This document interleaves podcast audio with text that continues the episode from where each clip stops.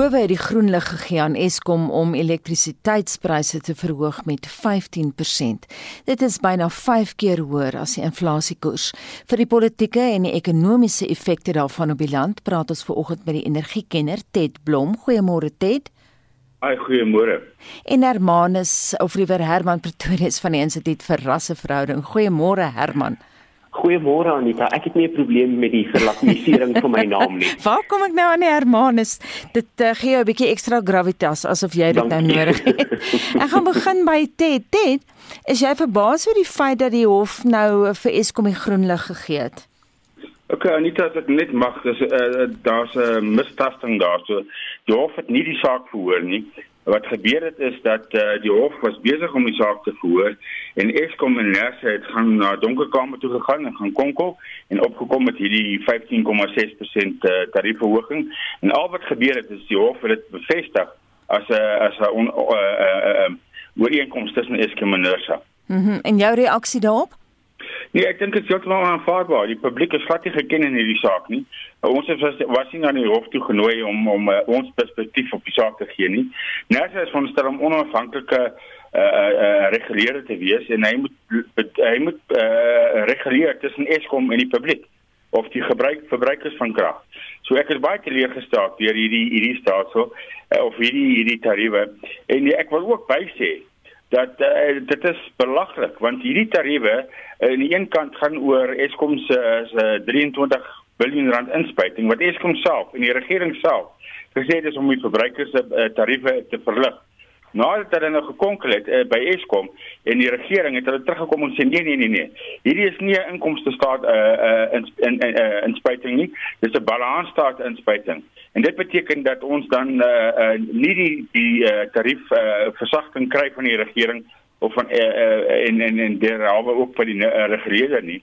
En tweedens, die tweede aspek is die um, uh, die agterskot van 2014 tot 2019 uh, wat uh, uh, uh, uh, toegegee is volgens 'n uh, uh, ander formule wat die hof voorgestel het en en uh, weer eens um, dit weerspieël nie die hoogste jare van die Gupta ongeruimthede nie.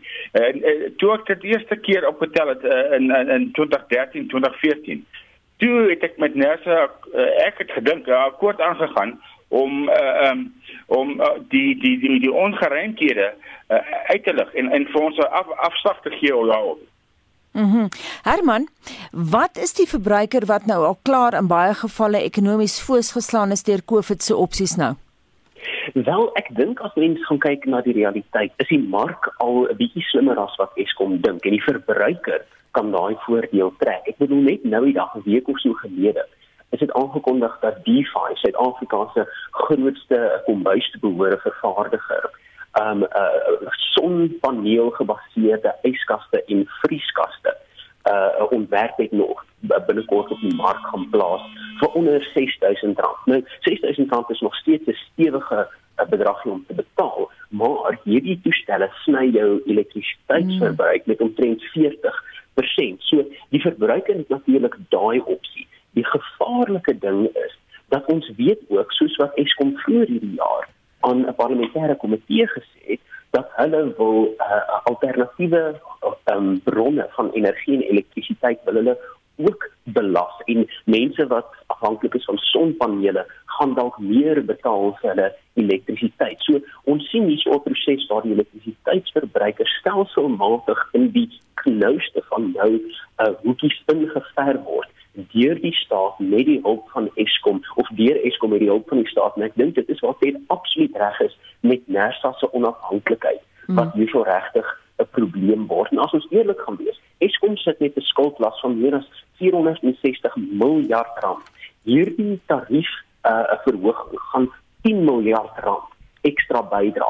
Nou ek weet elke bietjie help, maar waaragtig om die verbruiker en die kwesbare besighede nou so onder druk te plaas vir 'n skadige 10 miljard rand terwyl jy 400 miljard rand skuld. Dis ek dink onwys. Dit wat van die bestaande wanbetalers en die munisipaliteite wat Eskom miljarde rand kos en skuld. Hoe sou mens hulle kon vasvat? Waar begin jy gegee die feit dat hulle koffers leeg in baie gevalle gepiriwaai is? Ek praat nou van die munisipaliteite. Ja, nee, nee mens moet dit 'n bietjie uh, ondersoek instel.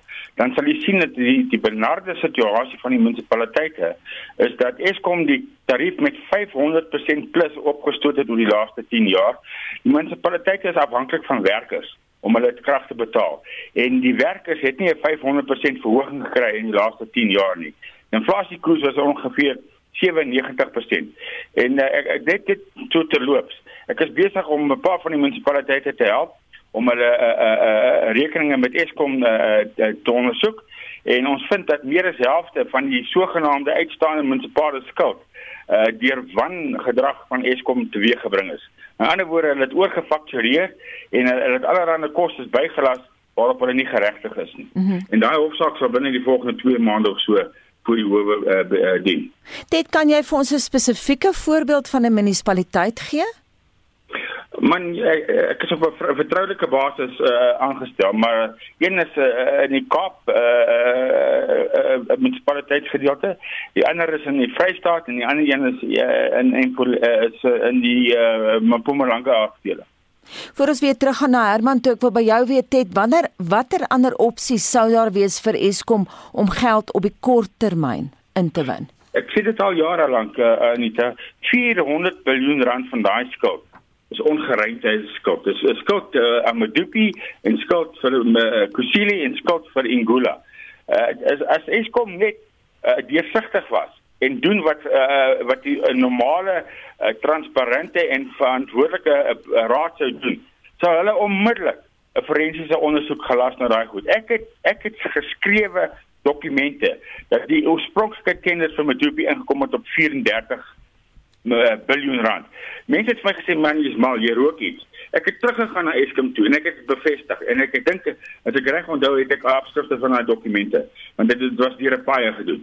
Uh, so tot tyd en wel hierdie regering en die departement van energie en Eskom self nie 'n uh, uh, forensiese ondersoek uh, uh, doen nie. Dink ek nie daai daai geld uh, uh, dit dit, moet nie deel van die verbruiker verhaal word nie. Want dit soos ek sê, uh, omtrent 400 miljard is ongeruimdhede. En en die ongeruimdhede het in die laaste maand nog gegroei met 70 miljard rand. Uh waar Eskom 'n uh, steenkoop transaksie aangegaan het, soos in die koerante uh, uh, gesê in die laaste week. Herman, gaan ons die gevolge hiervan by die stembus sien? Wie jy ek twyfel. Ehm um, ek dink die DA is besig um, om as as dit ware die enigste alternatiewe party wat werklik provinsie Herman? Dit klink vir of ons het Herman verloor daar. Die redakteur gaan hom weer bel. Intussen hoop ek ons het nog vir jou Ted. Het ons ja, nee, vir jou nog? Kom ons gaan nou eers na jou toe. Jy kan maar ook daai vraag probeer beantwoord. Dink jy ons gaan die gevolge by die stembus sien Ag uh, ek is nie eintlik 'n politikus nie uh, en uh, behalwe dat die regering dink ek is die vyand. Maar ehm um, dit het die probleem is met die met meer as helfte van die stem stemme kom van uh, uh, uh, landelike gebiede. En en daai mense het nie toegang tot daaglikse eh, koerante en TV en en en die, en al die uh, sosiale media nie lyk like dit my. Hmm. So uh, ja, ek sal nie verbaas wees as as uh, dit nie eintlik 'n wesenlike tensy van die politieke partye nou uh, uh, hulle self vinnig regryk hulle uh, en en en baie meer fokus op waar die stemme uh, gewerf kan word. Maar as dit uh, business as usual is, nee, dan versnik nie eintlik of verskil nie. Ja, intussen het ons redakteur Wessel Pretorius weer vir Herman in die hande gekry. Herman, die politieke gevolge gaan ons dit by die stembus sien?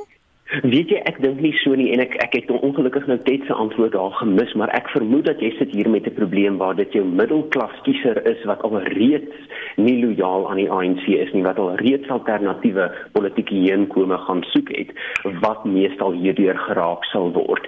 Um, en ek dink dit is deel van die politieke uh uh uh kalkulasie of berekening aan die kant van die regering om te sê weet jy die mense wat ons hiermee uh die fieste in gaan maak gaan ons het ons al reeds die fieste ingemaak met ander goederes. Kom ons gaan terug na jou toe Ted, 'n praktiese oplossings. Wat sou jy nou voorstel as jy nou aan die roer van sake gestaan het? Jo, Eskom, wel eerstens Eskom speel op 'n agenda wat wat die publiek nie van wees bewus is nie. En ek sal dit binne die volgende maand of twee inskrywe sit. Uh, ek is heeltemal uh bond geslaan deur uh, wat ek uh, verneem het.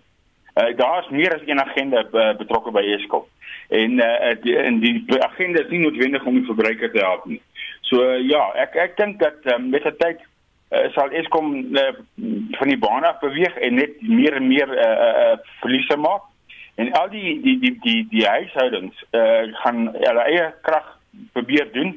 Uh, dis dis wag net vir meer uh, mantas om om die die die die die grid op te stel. En en en ek twyfel dat Eskom uh, die ontbonding gaan bewerkstellig. Ehm uh, niemand nie geen bankier wat ek in my lewe ooit het moet dit gaan sekuriteit sekuriteit weggee uh, uh vir 'n ontbonding nie. So ja, nee ek dink uh, hier kom 'n woeste geveg voor in uh, voor 'n dag en uh, ek dink dit sal teen teen hopelik teen die einde van die jaar heeltemal uitspeel. Herman, sou mens verbruiker verset kon verwag al is dit nou nie by die stembus nie.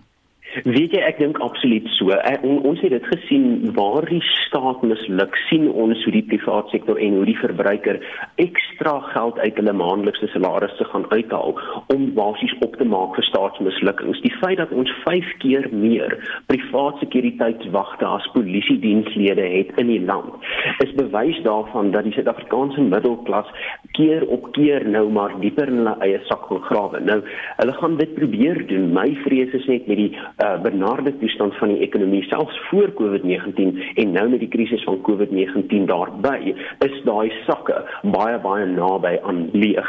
Maar ek moet sê 'n interessante ding met hierdie afgelope week op die internasionale uh, toneel 'n bietjie uh, uh, uh, tot tot die lig gekom en dit is dat Venezuela na 20 jaar van aggressiewe nasionalisering en al hoe meer staatsbeheer so skelmpies agter die skerms weer begin privatiseer het. So die die reëls van politieke en finansiële en ekonomiese swaartekrag skop iewers in. Ek sal net uh, baie hartseer wees as ons nou deur 'n tydperk van ongelooflik onnodige swaar kry gaan vir Suid-Afrikaners, die Suid-Afrikaners wat die minste kan bekostig voordat ons uitkom by 'n plek waar selfs Venezuela en Cuba nou in 'n toestand van meer vrye mark georiënteerde beweging is. Dit net 'n laaste vraag. Praat jy ooit agter die skerms met die owerheid? Nee. Ehm um, ek het probeer Kort en kragtig. Ek het probeer help met uh, die departement van energie.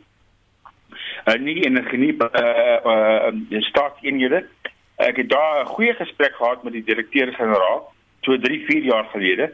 En dit daar da, ek het vir hulle uitgewys dat daar probleme is met die mens, die fakture wat die munisipaliteite kry. Uh, hy het my gesê dat uh, dit op die kokta uh, agenda is Uh, en uh, ek sover ek weet is daai daai Nautilus nog steeds besig 4 jaar later om te sirkuleer vir uh, vir um, handtekeninge. So verder is daai een vergadering met uh, met die departement van uh, staatsondernemings het ek geen kontak nie. Ehm um, ek het nie uh, met meneer die reiter het ek 'n uh, vlugtige uh, vergadering gehad waar ons uh, mekaar ontmoet het en hy het my baie duidelik gemaak dat uh, hy in charge is van steenkool en hy sal die steenkool self uitsorteer. Nie tenstaan dat ek 30 jaar gelede en in 2006 uh, uh tot af uh in, in dringend met steenkool en die steenkool roadmap vir Eskom uh, uitgewerk het. Uh, as deel van 'n span, nie op my eie nie, dit is 'n span job. En uh, dit het gewys dat daar wesenlike stappe geneem moet word. En Brian Damas het daai verslag gevat. Ons het gesê 20 nuwe steenkoolmyne om die kwaliteit van Eskom se se kettels te te uh, fasiliteer en eh, en en en Brian Damas het dit publiek gemaak. Jy gaan kyk in in, in 2009 het hy gesê hy gaan 40 nuwe uh, steenkoolmyne open en tot da, tot vandag toe nie een nie. Baie dankie en so sê die energiekenner Ted Blom en ons het ook ver oggend gepraat met Herman Pretorius van die Instituut vir Rasseverhoudinge. Is dit lekker terugvoer? Kom ons luister eers wat een van ons luisteraars sê. Ek is so dankbaar dat my kinders dan klaar is met skool, maar ongelukkig het ons nie die voorreg gehad om my dogter se gradeplegtigheid te kon bywoon nie want daar was nie een val gewees nie en sy het klaar afgestudeer as 'n prokureur. My seun moes al verlede jaar klaar gemaak het as 'n chef. Hy maak nou eers hierdie jaar klaar. So dit sit die kinders baie terug wat nie baie lekker is nie. Jy sien jou hele lewe lank uit daarna om saam met jou kinders te sien hoe begin hulle die begin van 'n loopbaan en die COVID het dit regtig van ons af weggeneem dat ons het nie daai voorreg gehad om te kon foto's neem saam met ons kinders nie. En William Jumat en Cindy Boysen sê albei veels geluk aan elke leerder wat die mas opgekom het in 2020 en Laura Kokemoer laat weet my kleindogter Lauren het haar laaste vak geskryf terwyl sy COVID gehad het. Nou kan ons net hoop en sy gaan vanjaar by Tikkies studeer. Ons wil vandag by jou weet, het die COVID-19 pandemie jou matriekkind of dalk 'n matriekleerling wat jy ken se planne vir vanjaar beïnvloed of dalk verander? Moes jy aanpassings maak in jou planne of gaan dit net voort soos wat jy beplan het? Stuur vir ons 'n SMS by 45889. Onthou dit kos R1.50. Gesels saam op ons Facebookblad by facebook.com vorentoe skynstreep ZARSG of WhatsApp vir ons stemnota na 076 536 6961. Ek is net so voor 8 terug met nog van jou terugvoer. Intussen iets anders sportsake in die naweek se sport by ons tennis, golf en cricket en ons praat nou met Pieter van der Berg. Goeiemôre. Môre sê Anita. Pieter, eh, die groot tennis daar in Melbourne bereik nou die naweek sy hoogtepunt. Wat is die jongste oor die Asiese Ope toernooi? Ja, groot is dit beslis daar die eerste Grand Slam van die jaar spog met 'n totale prysgeld pot van meer as 350 miljoen rand. Nou in die mans afdeling het daar 128 spelers begin in die eerste ronde en gister in die eerste halfeind het die eerste gekeerde Novak Djokovic sy wedstryd in die ongekeerde rus Aslan Karatsev gemaklik in drie stelle beklink. Die telling was 6-3, 6-4 en 6-2 en dan die 34-jarige Djokovic jaag natuurlik sy 9de Aussie titel en ook sy 18de Grand Slam titel. Vanoggend takel die vierde gekeerde Rus Daniel Medvedev en die nommer 5 gekeerde uh, speler van Griekeland Stefano Tsitsipas mekaar. Dis vir 'n plek in die eindstryd dan en die man se uh, eindstryd sal dan sonoggend uh, plaasvind Suid-Afrikaanse tyd. En in die vroue se enkelspel afdeling is die halfeind uh, gister die eerste halfeind is afgehandel. Die derde gekeerde Naomi Osaka van Japan en die tiende gekeerde Serena Williams met 6-3 en 6-4 kap gedraf. En dan die VSA se Jennifer Brady, sy het net 3 stelle nodig gehad om Tsjechië se Karolina Muskova uit te skakel. Die vroue eindstryd Anita word dan môreoggend Suid-Afrikaanse tyd gespeel. Nou op die cricketveld verskuif die fokus weg van die internasionale T20 na die plaaslike T20 reeks. Ja, cricket SA se T20 kompetisie begin vanoggend en die wedstryde word almal daar in Kingsmead in Durban gespeel of op Kingsmead in Durban dan. En die eerste wedstryd vanoggend om 10:00 is die Titans teen die Warriors en die Knights, hulle speel vanmiddag teen die Cape Cobras. Daardie wedstryd begin om 0:30. Behalwe hierdie vier spanne waarna ek nou verwys het, is die ander twee spanne in die kompetisie die Dolphins en die Lions. En op die golffront is daar binnekort weer aksie hier in Suid-Afrika. Wat gebeur tans in die buiteland, Pieter? Ja, nie dan jy's doodreg. Die plaaslike reeks skop vroeg in Maart af en daar sommer 'n hele reeks toernooie in 'n ry, maar in Amerika word die Genesis uitnodigingstoernooi tans by die Riviera Buiteklub in Kalifornië gespeel. Nou agt van die wêreld se top 10 spelers swaar hulle stokke daar en na die eerste ronde is Sam Burns met 2 oor voor. Hy het 'n briljante 64 gespeel, dis 7 onder syfer met Matthew Fitzpatrick en Max Howard daar op 5 onder. Agt spelers is op 400 wat insluit Wyndham Clark en Patrick Cantley. Dan 'n paar groot name daar op 300, Dustin Johnson, Brooks Koepka en Jordan Spieth. En dan die Suid-Afrikaners Anita nie goed gevaar nie. Brandon Grace, hy's gelyk aan syfer. Charles Swartsel en Willem Fratelli, hulle is beide op 4 oor syfer. Pieter, jy het ook interessante rugby nuus uit Australië. Ja, die Australiese Super Rugby reeks skop vandag uh, af. Dis natuurlik as hulle sogenaamde binnelandse reeks. Daar is twee wedstryde geskeduleer vir vandag om kwart voor 11 vanoggend die Reds teen die Waratahs en dan die Western Force en die Brumbies. Hulle sal vanmiddag om 1 uur kragte meet. En wat gebeur die naweek op die sokkervelde? Mm, vanaand in die Engelse Premier League, Wolverhampton Wanderers wat speel teen Leeds United En môre is daar vier wedstryde. Dit sluit in Southampton teen Chelsea, Burnley teen West Bromwich Albion en Liverpool teen Everton. En dan moet ons ook net loer na die DStv se plaaslike Premier League hier in Suid-Afrika. Môre is dit Kaizer Chiefs teen SuperSport United, Chippa United teen Galaxy en dan kom Baroka teen Black Leopards bestaan. En ek sal môre naweek aktueel bietjie weer oor die sportsake gesels. Baie dankie dit aan Pieter van der Berg van RSG Sport. Ons kyk na internasionale nuus soos gewoonlik hierdie tyd van die oggend. En die Amerika Amerikaanse ruimteagentskap NASA se Perseverance het veilig in 'n diep krater naby Mars se ewenaar geland en dit was 'n baie groot oomblik vir NASA veral as mens kyk na die TV-prentjies mm -hmm. Marlenae het vir ons die nuus daaroor. Ons het vroeër 'n bietjie dit ontleed, baie interessant en nie al die landings is altyd suksesvol op Mars nie, nee. Ja, dit, hulle was baie gespanne. So net om jou 'n uh, idee te gee oor die opwinding wat geheers het, hier's 'n klankgreep van die oomblik toe die seswiel Perseverance kontak gemaak het. Touchdown confirmed. Perseverance safely on the surface of Mars, ready to begin seeking the sands of past life. En uh, dit het volgens die adjunk projekwetenskaplike vir die Perseverance span Katie Morgan op een van die oudste gedeeltes van Mars geland. It's amongst the most ancient crust on the surface of Mars, capturing that period of time between three and a half and four billion years old, which isn't a period of time that's particularly well preserved in rocks here on Earth. So we have a chance to find out about a period of the solar system that we've never studied before. Dan Perseverance gaan die volgende 2 jaar in die Jezero krater deurbring wat vermoedelik miljarde jare terug 'n meer was. Professor Bethany Alman aan die California Instituut van Tegnologie en 'n ruimtenavorsingswetenskaplike sê hulle soek nou na tekens van lewe. I am not talking about Martian little green men, probably not even fish. We're looking for microbial life or maybe microbes that have made a little mat or a slime of sorts that you might find on the bottom of a pond. They did exist on Earth three and a half billion years ago. The question is, did they exist on Mars at the bottom of lakes? En dit was professor Bethany Alman baie baie opgewonde soos jy kan hoor daar in die California Instituut van Tegnologie en 'n ruimte navorsingswetenskaplike. Nou terug op aarde Marlene is 'n dag 4 van ysige weer en sonder krag toevoer in Texas, in die VSA. Minstens 4 miljoen huishoudings sit steeds sonder krag terwyl die temperatuur plek plek tot -18 gedaal het. Nou is die afgelope week kouer in die deelstaat in die suide van Amerika as wat dit in Alaska en die noorde is. daarmee saam begin inwoners se huise ook nou oorstroom want waterpype het gebars weens die water wat daarin gevries het en die begin nou smelt. Die VSA sê intussen is gereed om samesprekings te begin met Brittanje, Duitsland en Frankryk om terug te keer na die Iran kernooreenkoms. Dit kom met 'n voorwaarde. Amerika sê Iran moet ophou om die voorwaardes te oortree, maar Iran se leier Ayatollah Ali Khamenei het die nuus nie goed ontvang nie. Die ooreenkoms is destyds onder Obama se administrasie onderteken, waarna oud-president Donald Trump onttrek het en strenger sanksies op Iran afgedwing het en nou wil president Biden weer terugkeer na die ooreenkoms. Ali Khamenei sê dit voel asof hulle van bakboord na stuurboord gestuur word. Words and promises are of no use. This time, only action. Action.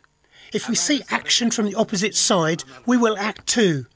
The Islamic Republic will not be satisfied this time with words and promises that we will do this or that. It will not be like before.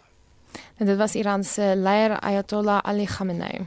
Intussen het die Franse president Emmanuel Macron in die bresse getree vir ontwikkelende lande wat die COVID-19-enstof betref. Hy vra dat Europa en Amerika dringend minstens 5% van hulle inentings aan ontwikkelende lande stuur. Die meerderheid inentings en enstof wat reeds toegedien is, het plaasgevind in hoë inkomste lande. Macron het die plan voorgestel in aanloop tot die virtuele G7-beraad wat vandag plaasvind. Die Withuis het intussen bevestig dat president Joe Biden sowat 85 of eerder 58 miljard rand aan die COVAX-skema gaan skenk vir die gelyke verspreiding van enstof slawe. En dit was Madeleine met internasionale nuusgebeure, maar ons bly by wêreldnuus. 60% van Sirië se bevolking ly honger volgens 'n verslag wat gister deur die VN se Wêreldvoedselprogram vrygestel is. Helaas betaal sowat 12 miljoen van die Siriëse bevolking die prys vir die gevolge van COVID-19 en 'n burgeroorlog wat al 10 jaar lank duur. Monitor het gister meer hieroor gaan uitvind by die Wêreldvoedselprogram se verteenwoordiger vervaardiger in Kaïro, Rim Nada. The number of people suffering from hunger in Syria has increased around 4.5 million people over the past year alone. A lot of reasons kind of led to that. Definitely the compounding effect of the COVID 19 pandemic, but this is not all. Syria is going through an economic crisis. The Syrian pound has lost a lot of its value, and people have lost their jobs. Dit binne 'n konteks van 'n voortsleepende konflik wat al 10 jaar duur en die ontworteling wat daarmee gepaard gaan. There are still conflicts in some areas and some people cannot go back. So it is a worrying situation very much. Tans help die Wêreldvoedselprogram 5 miljoen mense binne Siriëse grense te midde van voedseltekorte en stygende pryse. Prices of food, some house staples have increased by fivefold. One liter of cooking oil has gone up from 1,000 Syrian lira to 5,000 Syrian lira for one liter. And a stock of food for a month for a family of five, for example, costs them 120,000 liras, which is more than what they earn. So without assistance, without the World Food Program assistance, a lot of families will not be able to afford food. Helaas kort die Wêreldvoedselprogram geld om die nood te verlig. Trouwens, die organisasie benodig 35,7 miljoen Amerikaanse dollar teen Julie vanjaar. En dit alles binne die konteks van 'n wêreld wat met ander probleme worstel. There are a lot of crises in the world that are competing for funds and for donor funds and donor money. And also donors themselves, donor countries themselves are going through their own economic crises because of uh, one year of a global pandemic has not left anybody at a good point. En so sê die Wêreldvoedselprogram se verteenwoordiger in Kaïro, Rim Nada, wat vanuit Egipte met Monitor gepraat het. Die vrywillige likwidering van Namibië kan ernstige gevolge inhou vir trofeejag in die land omdat die bedryf op die redery steun vir die versending van trofee na die buiteland. Meeste buitelandse lugrederye het 'n verbod daarop ingestel, so berig Frikkie Wallis. Namibië verdien jaarliks so wat 100 miljoen Namibiese dollar uit trofeejag en die professionele jagtersvereniging NAPA is bekommerd dat die bedryf op sy knieë gedwing kan word omdat die meeste buitelandse rederye weens druk deur diereaktiviste weier om jagters, hulle wapens, ammunisie en trofee te vervoer. Die hoofuitvoerende beampte van die Namibiese vereniging, Tanya Dahl, sê syfers vir die verlede jaar is nog nie beskikbaar nie, maar dat net tussen 10 en 15% van die gewone aantal jagters Namibië verlede jaar weens COVID besoek het. Dit is natuurlik so dat Namibië 'n partner uh, vir ons was en ehm um, Namibië was gebonde aan die Namibiese konstitusie wat uh, wat soos ons dit noem uh, sustainable utilization onderskryf. So dit beteken volhoubare bewaringspraktyke wat dan trofeejag baie beslis insluit. Met die heengaan van Namibië het ons natuurlik nou 'n bietjie van 'n kopseer want nou moet ons weer ander kanale probeer volg om trofee wat mense hier geoes het na hulle eindbestemming te kry. Daar is ander uh, rederye, lugrederye en ook skipmaatskappye wat hierdie trofee wel nog vervoer. Um, maar daar is ook van die rederye wat hulle sterk daarteenoor uitgespreek het en absoluut weier om trofee te vervoer. Dan het ons as ander alternatief nog 'n uh, lugrederye wat bereid is om jaggewere en ammunisie in te bring en te vervoer. Ehm um, maar ons beveel maar aan dat elkeen wat Namibië wil kom besoek, maar met hulle uh, besprekingskantoor, uh, die mense deur wie hulle die reis bespreek, maar net seker maak ehm um, dat dit wel toelaatbaar is om uh, wapens te vervoer en in te bring en uit te voer of weer saam terug huis toe te neem. Daar is alternatiewe natuurlik soos om 'n jaggeweer hier in Namibië by jou aanbieder te kan huur. Dit is absolute opsie. Die jagseisoen duur van Februarie tot November, hoewel die eerste 2 maande gewoonlik nog stil is. Die hoogseisoen vir buitelanders en Suid-Afrika se biltongjagters begin in Mei en duur tot in Augustus. Ons is bietjie hartseer dat ons nie meer van NMB se dienste kan gebruik maak. Baie gerieflike dienste, direkte vlug Frankfurt Windhoek en ek dink baie van die jagmense het met daai vlug ingekom en weer vertrek. Ehm um, maar aan die ander kant moet ons ook onthou, ehm um, ons as Namibiese belastingbetalers, dit het 'n groot groot gat in ons beursie gelos En uh, daar moet nou 'n goue middeweg erns gevind word. Hoe kan ons hierdie mark, hierdie toeriste nog steeds in ons land verwelkom sonder dat uh, ons land bloei, ons finansies se groot groot gedeelte van die inkomste moet afstaan aan 'n lugredery. So ons hoop te, van harte daar kan met nuwe idees vorendag gekom word dat ons steeds kan verseker dat Namibië op die wêreldmark 'n belangrike rol nog steeds speel en dat ons kan aanhou om ons wonderlike land in die buiteland te bemark. Dit was Namibië se hoofuitvoerende beampte van die professionele jagtersvereniging, Tanya Dahl. Ek is Frikkie Wallis op Swakopmund.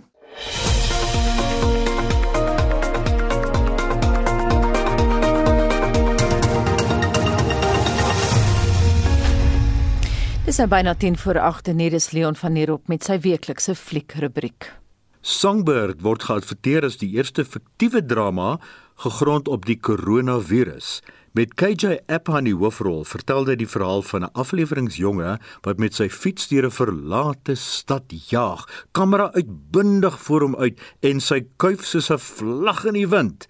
Hy jaag om pakkies in gesaniteerde hokkies te druk, net om weer gesaniteerde pakkies te kry om af te lewer ook in verlate strate. Hy is terloops geënt en is immuun teen korona.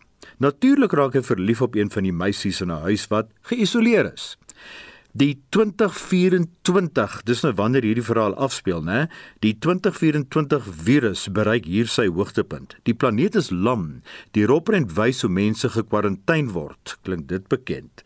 Uh die ster van die virus en hoe die pandemie Amerika op sy knie dwing. Maar Songbird is daarom nie net 'n jobstyding nie, want KJ Appa met sy bronstige energie, sy deurmekaar hare wat die wind soos 'n seilboot gebruik en mannemoed wat testosteroon toets en tot 'n nuwe hoogtepunt voer, gaan sy meisie kry en die koronavirus oorwin. Maar intussen keer soldate hom voor. Dis Mad Max net aantrekliker wat veg teen die mensdom se uitwissing van die moderne tyd. Nou is die COVID pandemie storie nie so ver gesog soos mense gedink het nie, al is die kukkels vreemd. Die film is in die buiteland gekritiseer, eintlik uitmekaar getrek, omdat dit COVID as 'n speelbal gebruik wat nie werklik die erns van die siekte in ag neem nie, en natuurlik wen die held en die heldin die virus. Niks kan 'n gespierde held en 'n mooi heldin verhoed om Amerika te red nie, nie COVID nie en nie terroriste nie en ook nie aliens nie. Die slag is dit COVID. Ag ja, nee, Amerika wen.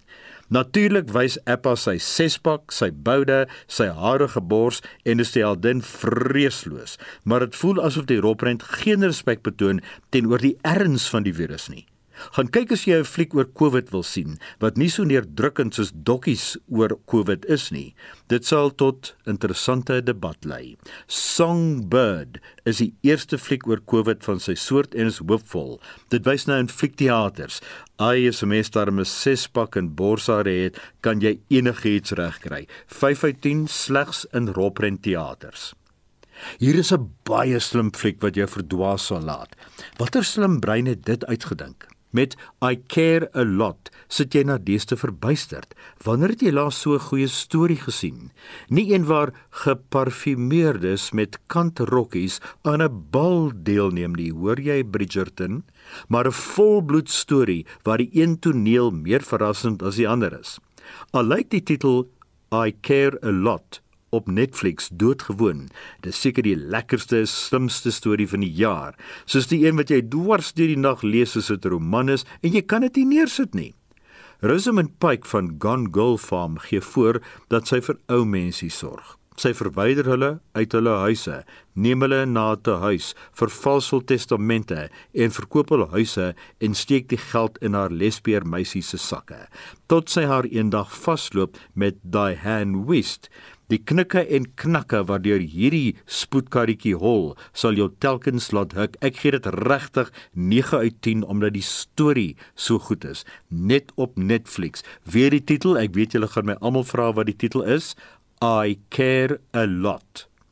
'n Reeks wat vir Golden Globes benoem is, is Rami, waar 'n moslem 'n normale lewe wil voer in moderne Amerika. Hy probeer uitpleis regtig wie hy is. Hy wil nie noodwendig met 'n moslim vrou trou nie, sê die reeks, en het onortodokse idees. Rami Youssef, ook benoem as Rami, is puik, veral met sy oorblufte maar nonchalante komiese reaksie as hy probeer sin maak uit die huwelik tussen moslim en 'n doodgewone Amerikaanse meisie. Dit is skreeu snaaks. Dit is soos om 'n grondboontjie bottertoebroodjie te eet en na die tyd lekker nog die grondboontjies van jou tande af te lek. Rami op Showmax 8 uit 10.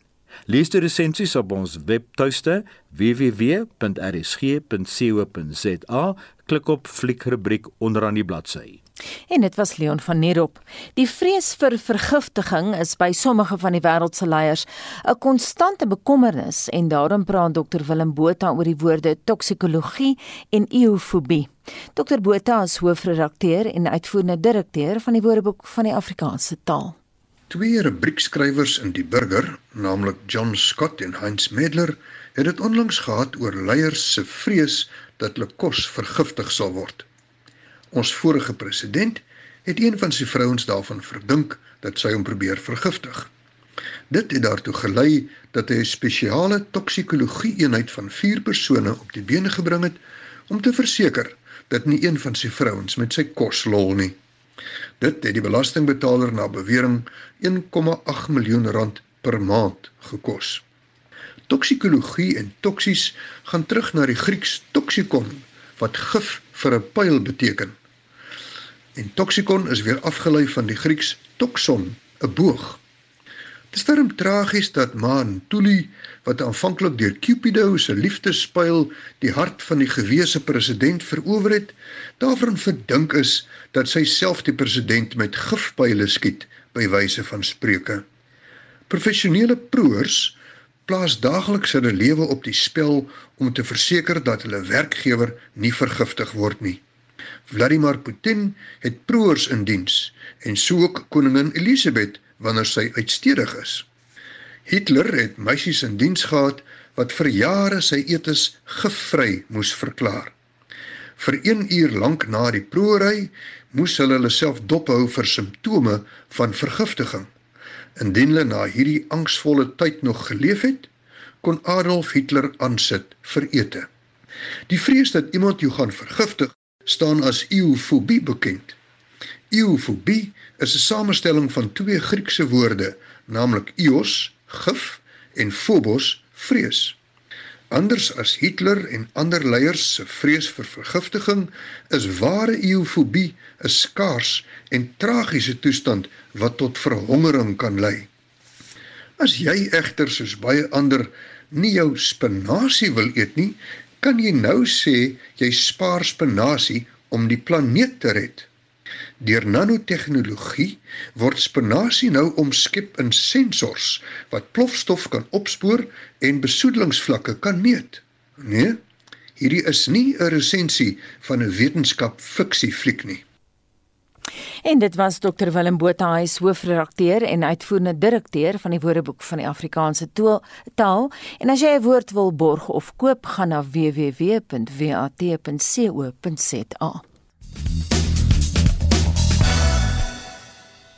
Jean, wat kan ons in Spectrum verwag? Ja, Anita, die sekretaris-generaal van die ANC, Ysmakashule en sy sewe mede-beskuldigdes verskyn vanoggend in die Landdroshof in Bloemfontein. Die onafhanklike eksamenraad het die eksamenuitslae vir die leerdlinge in privaat skole bekend gestel en dan is daar die jongste misdaadstatistiek wat later vandag bekend gestel word. Indien jy na enige van ons nuusprogramme wil luister, elke monitor Spectrum naweek aktueel op 'n Saterdag en kommentaar asook fin fokus op 'n Sondag aand tussen 8 en 9 is wel as 'n potgooi op RSG se webblad beskikbaar.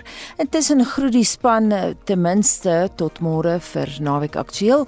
Ons redakteur vir oggend asook ons waarnemende uitvoerende regisseur was Wessel Pretorius. Ons produksieregisseur was Daitron Godfrey en my naam is Anita Visser.